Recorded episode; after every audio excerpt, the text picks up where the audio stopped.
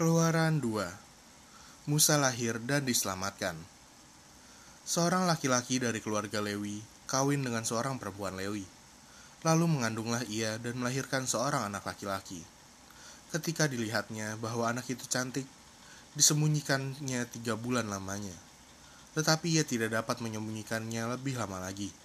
Sebab itu, diambilnya sebuah peti pandan, dipakalnya dengan gala-gala dan ter Diletakkannya bayi itu di dalamnya dan ditaruhnya peti itu di tengah-tengah Tewerau di tepi sungai Nil. Kakaknya perempuan berdiri di tempat yang agak jauh untuk melihat apakah yang akan terjadi dengan dia. Maka datanglah putri Firaun untuk mandi di sungai Nil, sedang dayang-dayangnya berjalan-jalan di tepi sungai Nil.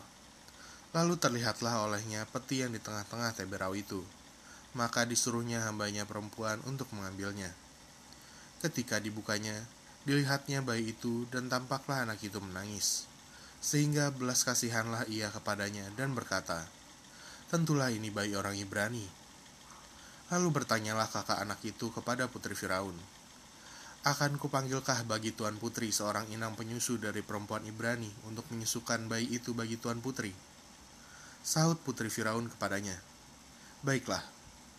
Lalu pergilah gadis itu memanggil ibu bayi itu, maka berkatalah putri Firaun kepada ibu itu, Bawalah bayi ini dan susukanlah dia bagiku, maka aku akan memberi upah kepadamu. Kemudian perempuan itu mengambil bayi itu dan menyusuinya. Ketika anak itu telah besar, dibawanyalah kepada putri Firaun, yang mengangkatnya menjadi anaknya, dan menamainya Musa, sebab katanya, karena aku telah menariknya dari air. Musa membela bangsanya, ia lari ke tanah Midian. Pada waktu itu, ketika Musa telah dewasa, ia keluar mendapatkan saudara-saudaranya untuk melihat kerja paksa mereka. Lalu dilihatnya lah seorang Mesir memukul seorang Ibrani, seorang dari saudara-saudaranya itu.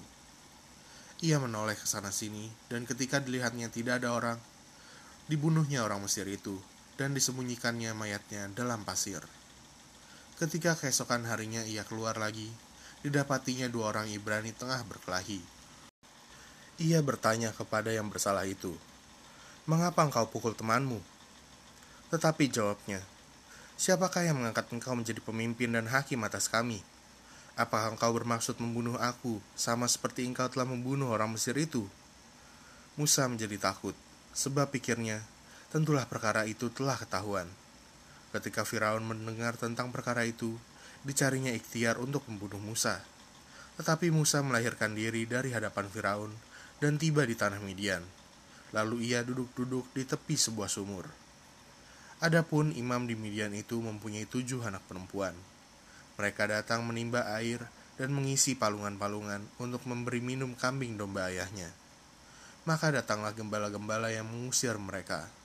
Lalu Musa bangkit menolong mereka dan memberi minum kambing domba mereka. Ketika mereka sampai kepada Rehuel, ayah mereka, berkatalah ia, Mengapa selekas itu kamu pulang hari ini? Jawab mereka, Seorang Mesir menolong kami terhadap gembala-gembala. Bahkan ia menimba air banyak-banyak untuk kami dan memberi minum kambing domba. Ia berkata kepada anak-anaknya, Di manakah ia? Mengapakah kamu tinggalkan orang itu? Panggillah dia makan. Musa bersedia tinggal di rumah itu, Lalu diberikan Rehuela Zipora, anaknya, kepada Musa. Perempuan itu melahirkan seorang anak laki-laki. Maka Musa menamainya Gersom, sebab katanya, Aku telah menjadi seorang pendatang di negeri asing. Musa diutus Tuhan. Lama sesudah itu, matilah Raja Mesir. Tetapi orang Israel masih mengeluh karena perbudakan, dan mereka berseru-seru, sehingga teriak mereka minta tolong karena perbudakan itu sampai kepada Allah. Allah mendengar mereka mengerang, lalu ia mengingat kepada perjanjiannya dengan Abraham, Ishak, dan Yakub. Maka Allah melihat orang Israel itu, dan Allah memperhatikan mereka.